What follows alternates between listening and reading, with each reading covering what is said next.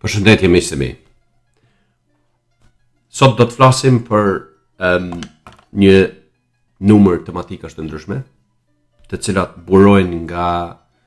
natyrisht kurioziteti im natyral, por po ashtu edhe nga kërkimet e mia personale dhe komerciale që bëj uh, dita ditës. Ëm um, pasi që është podcasti i fundit për këtë vit, Dua në radhë të parë t'ju falenderoj gjithë juve që më keni dëgjuar,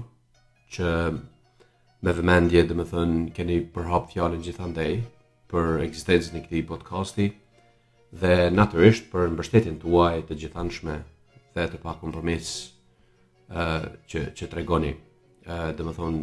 përzemërsisht uh, u jam falenderues gjithë juve gjithandej kudo që jeni um, Natyrisht, viti 2022 do të sjellë risi të reja. Domethënë, po bëj një sërë përgatitjesh për uh, filmime, për uh, downloadime në YouTube, në video e tjera e tjera. Po mundohem që dita ditës të jem më afër jush me informacion me informacione të reja, por po ashtu më afër jush në mënyrë më të përshtatshme për ditën tuaj, për shkak se e keni vërejtur që postimet e mia, ë prononcimet e mia në Facebook janë shumë të gjata, nganjëherë dhe podcastet janë shumë të gjata dhe po mundohem që të akumuloj sa më shumë në një numër informatash për një periudhë shumë më të vogël kohore në mënyrë që t'ju konvenoj juve, t'ju përshtatet ditës juve të ngarkuar e mbingarkuar, por në, në të njëjtën kohë që ju të mos, um, domethënë, t'mos keni mangësi në informacione ose në ato që lexoni, në ato që absorboni dita ditës, e tjera e tjera, podcasti im nuk është gjë tjetër përpos se një, një shtesë informatash e mbi të gjitha është një kënaqësi e veçantë e imja që që e bëj për të mirën publike, por po ashtu edhe kam pasion pasi që um, fushat të cilat i citoj dhe fushat në të cilat unë merrem janë me të vërtetë fusha që Gjithnjë gjithnjë kam operuar dhe gjithnjë kam pas një pasion për për llojin e për llojin e informatave që që që vetë gërmoj, që vetë ë hetoj dhe natyrisht um, që edhe i plasoj për, për publikun gjithandej. Pra, sot, pa u zgjeruar më tej, sot do flasim për 4-5 pikat që besoj se janë bukur të të rëndësishme, për shkak se krijojnë një farlloj tabloe jo vetëm për vitin 2021, por edhe për vitin e ardhshëm 2022, ku jap edhe një listë parashikimesh në në dy tre fusha ato të ekonomisë, ekonomive kombëtare, ekonomive ekonomisë globale, gjeopolitikës dhe ë e mbi të gjitha për ato se çka pritet në në horizontin e, e, e COVID-19 dhe masave të reja apo um, apo edhe një apo edhe ndryshimi të rrethanave për shoqërinë globale. Ëm um, pa humbur kohë pra. E fillojmë me lirën turke. Ë uh, Lira turke ka treguar një rënie përafërsisht 58% prej janarit të këtij viti deri në mesin e dhjetorit. Pra këtë muaj. Ëm um, si pasojë natyrisht e ndërhyrjes së politikës qendrore në masat në masat të marra nga presidenti Erdogan duhet jemi të qartë në mënyrën se si e plasojmë këtë lajm për shkak se nuk duhet të krijojmë keqkuptime ose uh, etiketime të marrim etiketime të ndryshme. E sidomos unë personalisht, pasi që nuk jam shumë um, tifoz i madh i Erdoganit, gjithnjë kam qenë kundër tij për shkak se mendoj që Turqia uh, më tepër këto ndryshime, domethënë variacione të mënyrës se si konceptojmë gjeopolitikat, politikat kombëtare të shteteve, por edhe gjeopolitikën e e e e, e më tejme për shkak se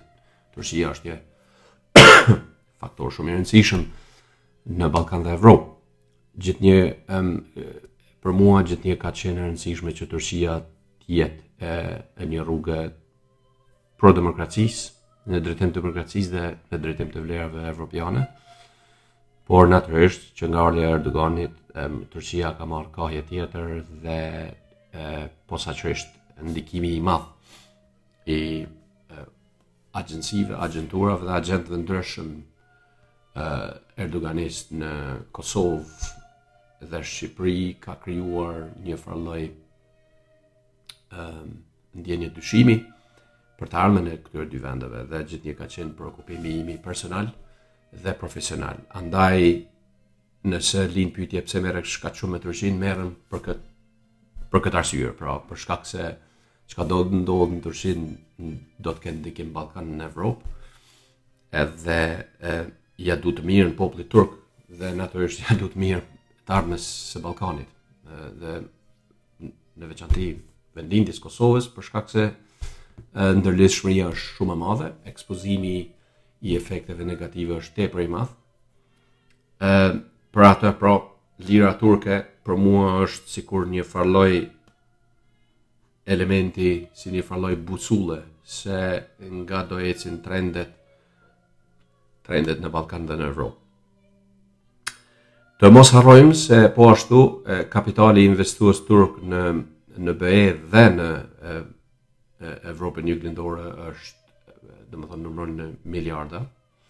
Mund të themi se pas Kinës dhe SHBA-ve, Turqia është vendi i tretë që ka ekspozim të madh të kapitalit në BE, e sidomos në Evropën Juglindore, sidomos specifikisht në Ballkan. Prandaj um, një problem i madh, një krizë e madhe në uh, gadishullin turk, do të ketë ndikime në mënyrën e sasinë e kapitalit dhe dhe rrjedhjes së tij dhe natyrisht qarkullimit të tij në në Kosovë, në Shqipëri, në vende të tjera të Ballkanit dhe është me rëndësi të kuptojmë po ashtu që um, lufta e, e lira dhe vetë strategjia e pozicionimit të lirës në tregjet kapitale dhe në tregjet financiare në botë është më tepër pozicionimi i Erdoganit politikisht, se sa që tregon për dobësinë e ekonomisë turke. Sepse fondacionet, domethënë bazamentet e, e ekonomisë turke janë të fuqishme, pa marrë parasysh, pa marrë parasysh se Turqia ka një hibriditet kompozus në mënyrën se si si funksionon funksionon arkitektura ekonomike e këtij vendi, duke marrë parasysh që varet shumë prej importeve të rimodifikuara kineze, pra ambalazhimi bëhet prodhimi është kinez, riambalazhimi, ambalazhimi bëhet në emra dhe firma turke, pastaj eksportohet. Dhe e, kemi pas atë strategjinë on and off, put off, put on të Erdoganit dhe të guvernatorëve turq, të cilët kanë ndjekur në fushën e tregjeve financiare duke duke para, kjo është domethënë flasim për vitet 2011, 12, 13, 14, ku kur Turqia inkurajonte biznesmenët e saj, oligarkët e saj, korporatat e saj që orientimin e tyre ekonomik ë si edhe eksesin, domethënë surplusin, suficitin e kapitalit që kanë ata në dispozicion ta mbajnë brenda Turqisë pa pasur ekspozim në tregjet financiare dhe në kapitalin e jashtëm. Kjo natyrisht krijoi shumë tension në në të pasurit turq, Turqi për shkak se ata përveç se janë patriot, ata janë edhe um, njerëz që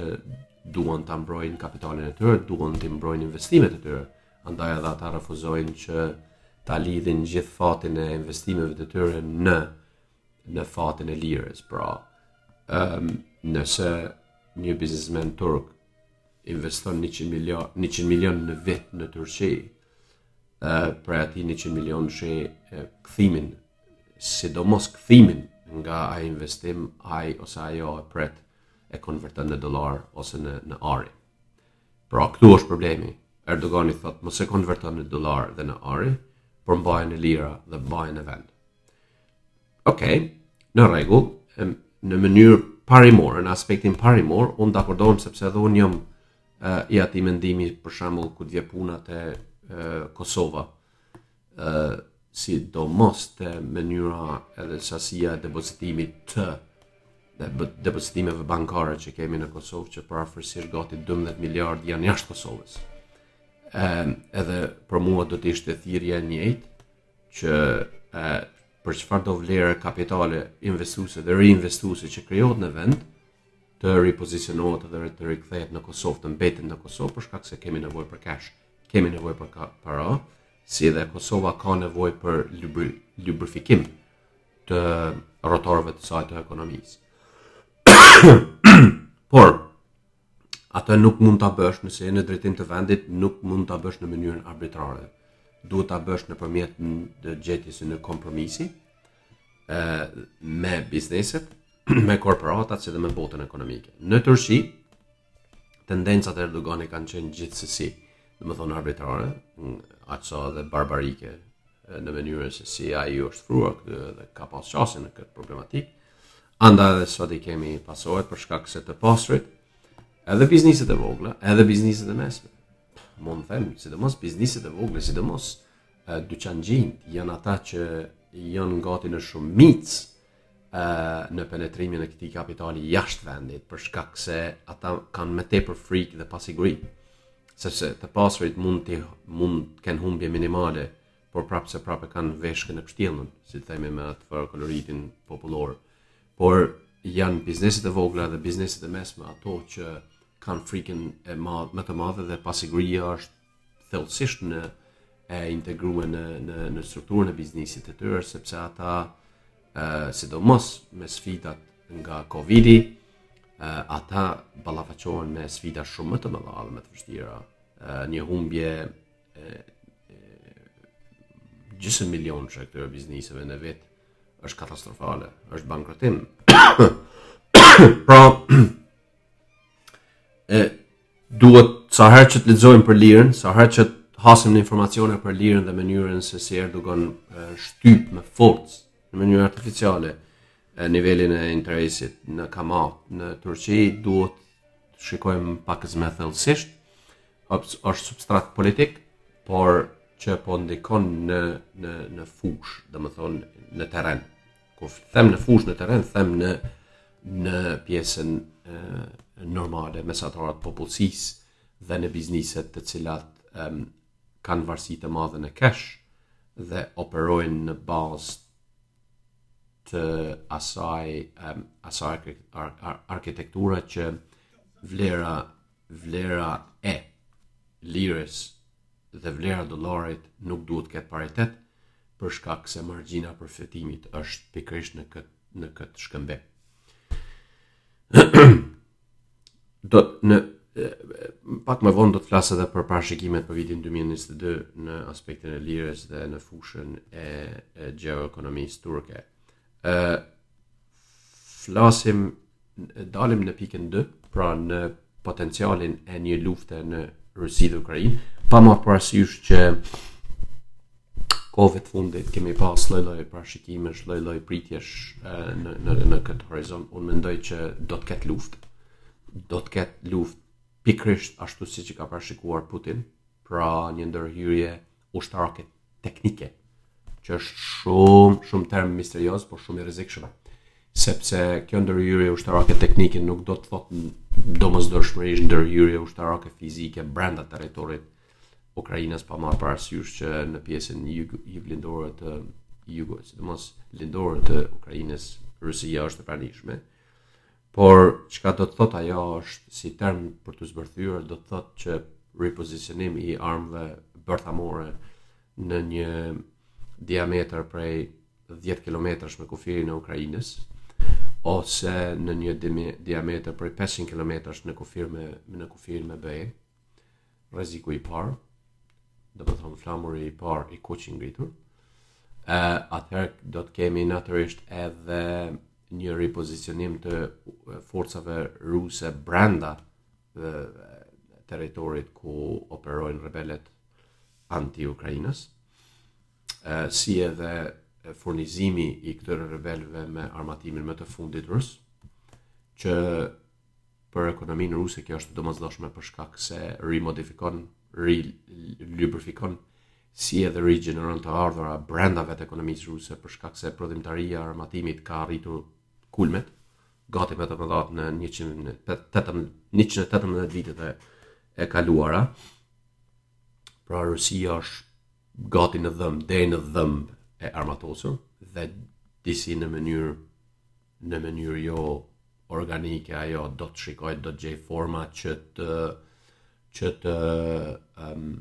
riciklojë një pjesë të këtij armatimi që ka filluar të ndërtohet në fillimin e vitit 2000 por tashmë që uh, mund të jenë edhe gati gjysmë të amortizuara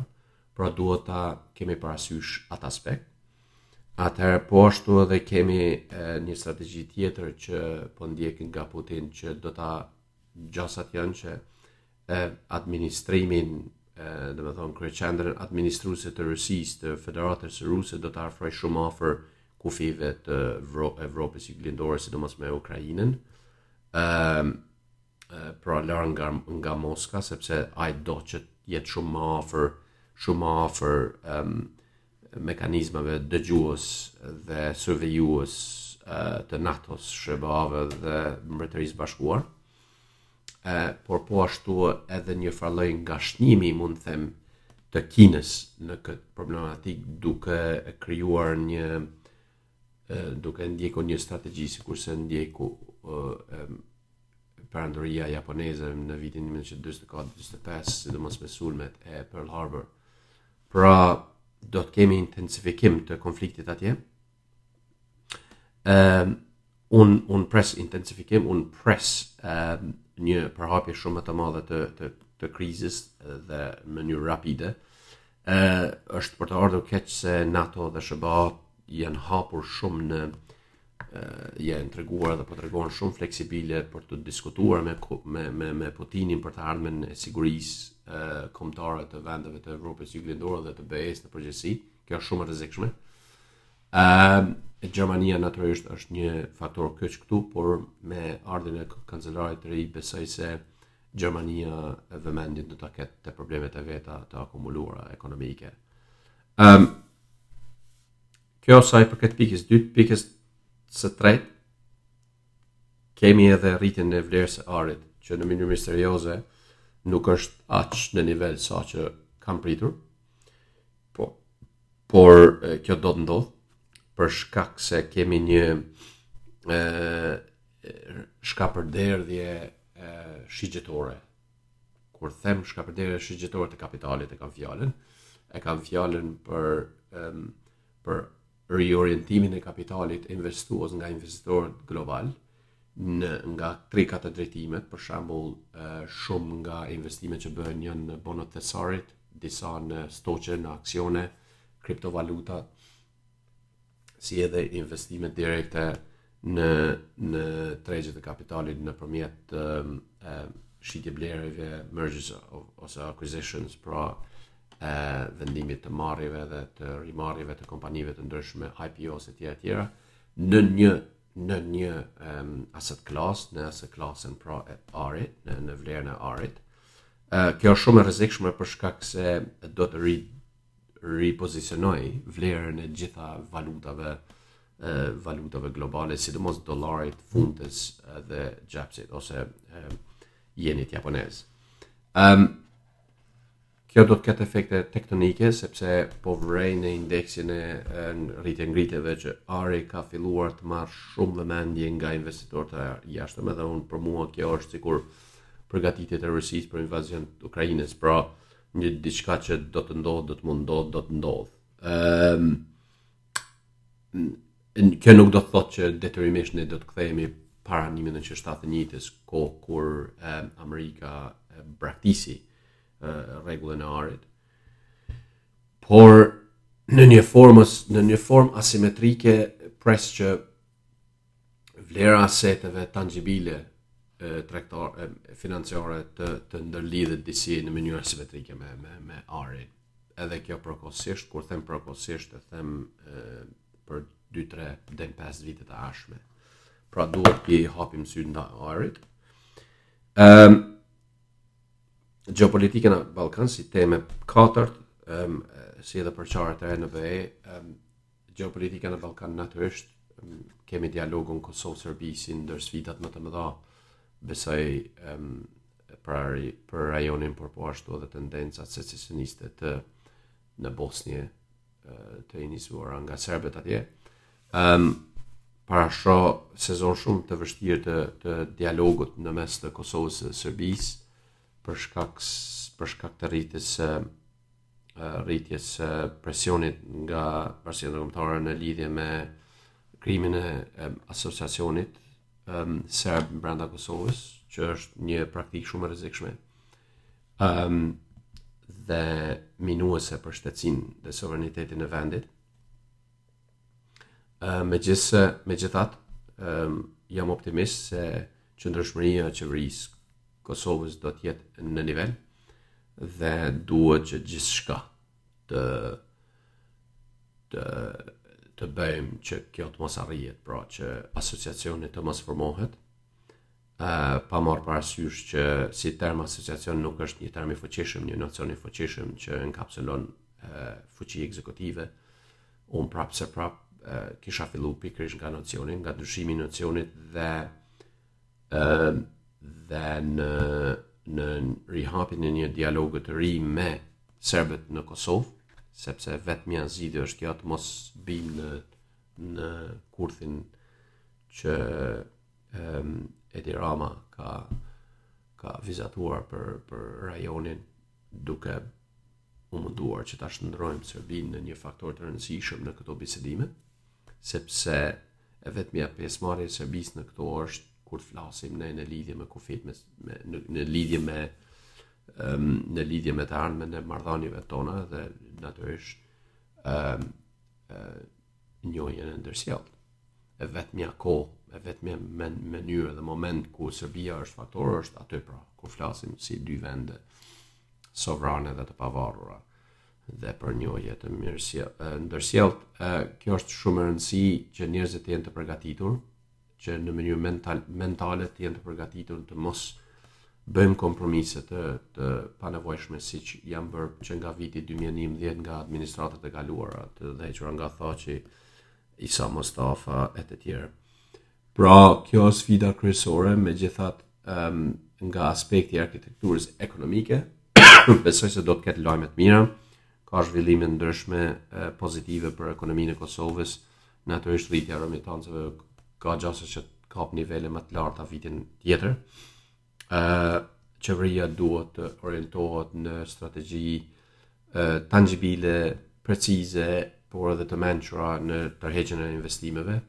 por po ashtu edhe shndërrimin e remitancave të diasporës në investime kapitale për vendin. që në mënyrë, në mënyrë që ato të mos shkojnë vetëm në ë uh, xhepat e familjeve natyrisht që janë në nevojë, por të gjehet një formë që as familjet të mos vuajnë, por as ekonomia të mos vuajë, sepse me mënyrën se si ne kemi krijuar një farë lloj riciklimi të remitancave në ekonominë e Kosovës, ne po humbim shumë kapital, po humbim shumë vlerë dhe po ashtu po po ia huqim shumë në aspektin e mënyrës se si po ndërtojmë ekonominë. Pra duhet një ristrukturim i mëtutjeshëm i remitancave që ato të bëhen pjesë përbërëse dhe organike të një ekonomie të ardhme të Kosovës, por e ardhmja duhet të fillojë nga viti nga viti nga viti tjetër, pra duhet një dinamizëm nga ana e qeverisë në në këtë front, në këtë fushë duhet të jemi të pakompromis në luftën kundër korrupsionit, por po ashtu duhet të jemi të ka të pakompromis, profesionalë të vendosshëm dhe që të ndru që të të qëndrueshëm me kuadër profesional në mënyrë që të konsolidojmë radhët strukturore të ekonomisë së Kosovës sepse kjo kjo është më se e nevojshme për për sidomos në në termin e parë të kryeministrit të kryeministrit Kurti. Ëm ehm, um, nuk jam agnostik, nuk jam nuk kam qenë as anëtar i Lëvizjes Vetëvendosje dhe nuk jam e nuk do të jem, por nga aspekti i aspekti profesional dhe natyrisht i preokupimeve që kam për vendlindjen, unë besoj që deri më tani deri më tani kemi parë disa hapa shumë të rëndësishëm, të rëndësishëm nga qeveria dhe ato duhet të vazhdojnë, por duhet një dinamizëm më i shpejtë, më i madh, më intensiv. në mënyrë që të që deri në vitin 2023-2024 të kemi një rritje të GDP-së për ndoshta edhe 20% më të madhe, një rritje buxhetore më të madhe, por edhe distribuim më të mirë të të parasë në në masë dhe në ekonominë agregate. um, në mënyrë që të rritin edhe të ardhurat nga taksat, por edhe që vendi të në mënyrë të ndërduar duarshme të bëhet vend atraktiv për për um, për ekonominë e re, për ekonominë e, e teknologjisë informative, internetit etj etj. Pra, duhet duhet duhet kemi një rapiditet një dinamizëm më të madh në në në mënyrën se si konsolidojmë rradhët e, në ekonominë e Kosovës. Ë uh, përçarjet në BE janë uh, do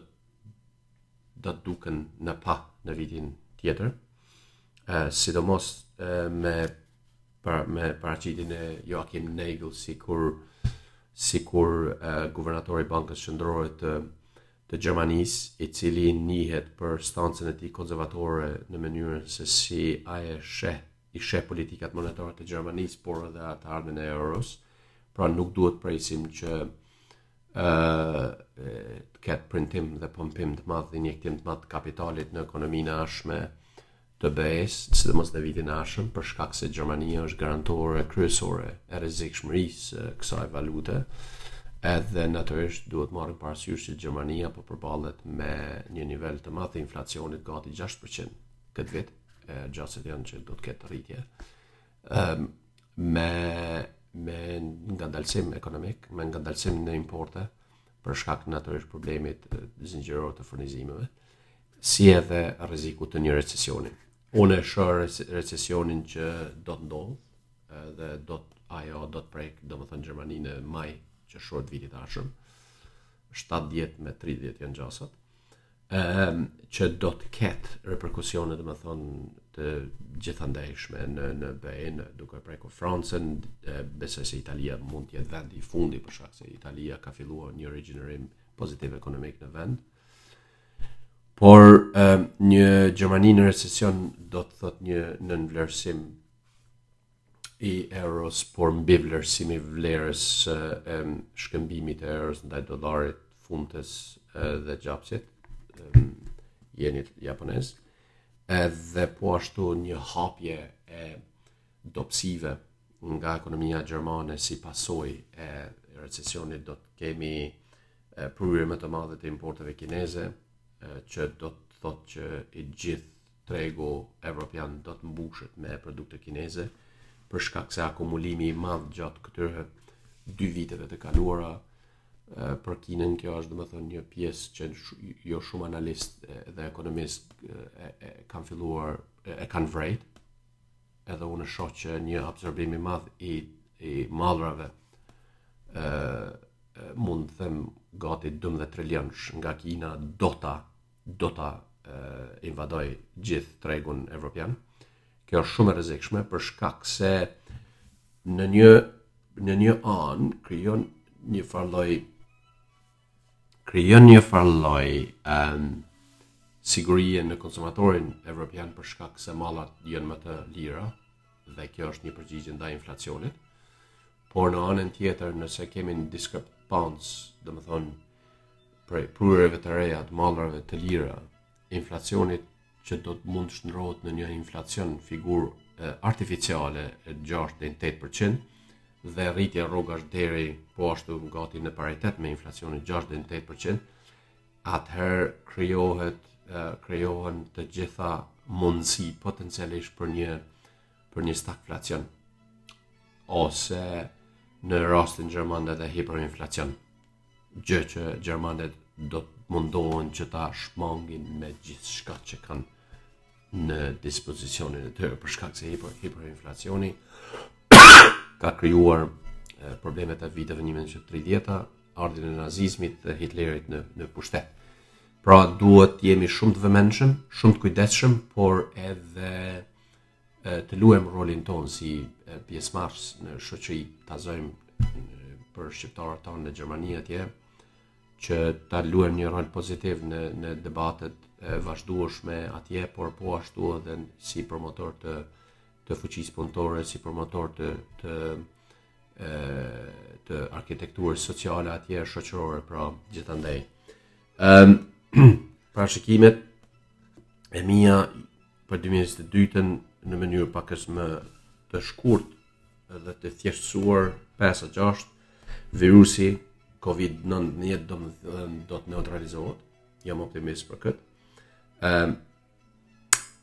lufta, pra siç thashë edhe më herët, lufta kundër trinomit, inflacion, ratat e interesit dhe recesion do të jetë konsistente dhe do ta përshkruajë vitin uh, 2022. Kjo shumë arbitrare pasi që do të kemi edhe rritje ekonomike të konsiderueshme në gjitha vendet e, në zhvillim dhe të zhvilluara. Thellimi i varfërisë, që po ashtu është paradoksale, për shkak natyrisht të efekteve um, anësore të inflacionit. Ë uh, natyrisht uh, uh, edhe sfidat më të mëdha do të jenë në aspektin e mënyrës se si distribuojmë distrib, do të distribuojmë um, kapitalin excess ose kapitalin e, e suficituar nga nga ekzekutimet tregtare në në botën financiare por edhe në ekonomitë dhe rrotorët ekonomik global. Pra, nëse në SHBA kemi pas um, rritjet e rritjet e investimeve kapitale si rezultat i miratimit të paketës fiskale të Biden prej 1.8 trilion dollar. Të njëjtin shembull kanë ndjek edhe BE me 700 miliard funta dhe Britania e Madhe me 356 miliard funta. E, Japonia ka një të njëjtin shembull. Ëm ky ky kapital disi do të rrjedh nga projektet e, e projektet e planifikuara nga të gjitha këto ekonomi, gjitha nga të gjitha këto qeveri të fuqishme dhe të pasura dhe ky kapital i rrjedh i rrjedhshëm nuk ka mundësi që të dedenominohet, por duhet të futet në funksion disi, prandaj do të gjinden masa um, dhe projekte të reja për rikalibrimin e këtij kapitali dhe futjen në në në ekonomi disi ose nëpërmjet shpërndarjes së ndihmave më të mëdha, rritjen e ndihmave, për shembull qeveria e Kosovës mund t'i rrisë ndihmat deri në 20 ose 30% vitin tjetër, të njëjtën do ta bëjnë edhe shumë qeveri ë ë qeveri perëndimore ë ose në uljen e taksave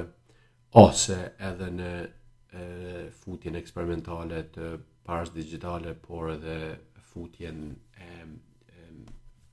domethënë krijimin e UBI ose Universal Basic e, Basic Income ose të ardhurat e, universale